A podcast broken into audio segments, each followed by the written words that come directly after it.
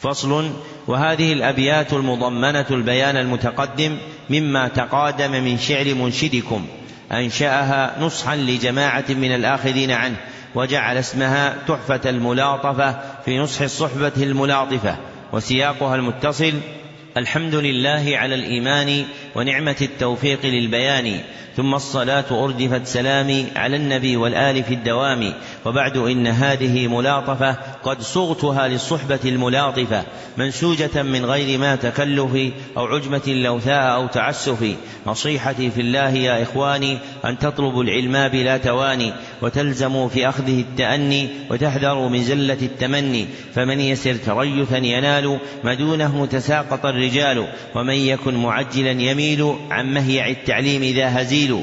فلتدرسوا من المتون ما اشتهر فإنما التحصيل أخذ بالأثر وحاذروا من حصره بما شهر فربما النفاع ليس يشتهر.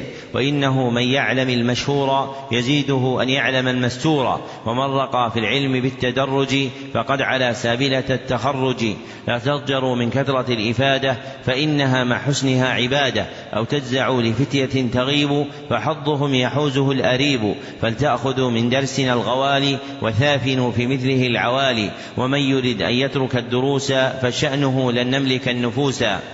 لكنما ليحذر الإصابة بزيغة الحياة والرتابة. فيترك التشمير والتعلم ويلتهي برفقة لن تنعم كم طالب تراه للعلوم مهيئا لجودة الفهوم مضيعا لنفسه لما صحب أولي بطالة إليه منسحب فلم يفق من سكرة المقارنة حتى رأى مقدما من قارنه فيشتم الشيوخ والأحوال وهو الذي بالاختيار مال يضيعة الأعمال في سفاهة من صحبة تجني على النباهة فلتحفظوا نصيحة العصيم فإنها السبيل نحو الريم ستشرق الأيام بالحقائق ويحمد الخذول عزم السابق.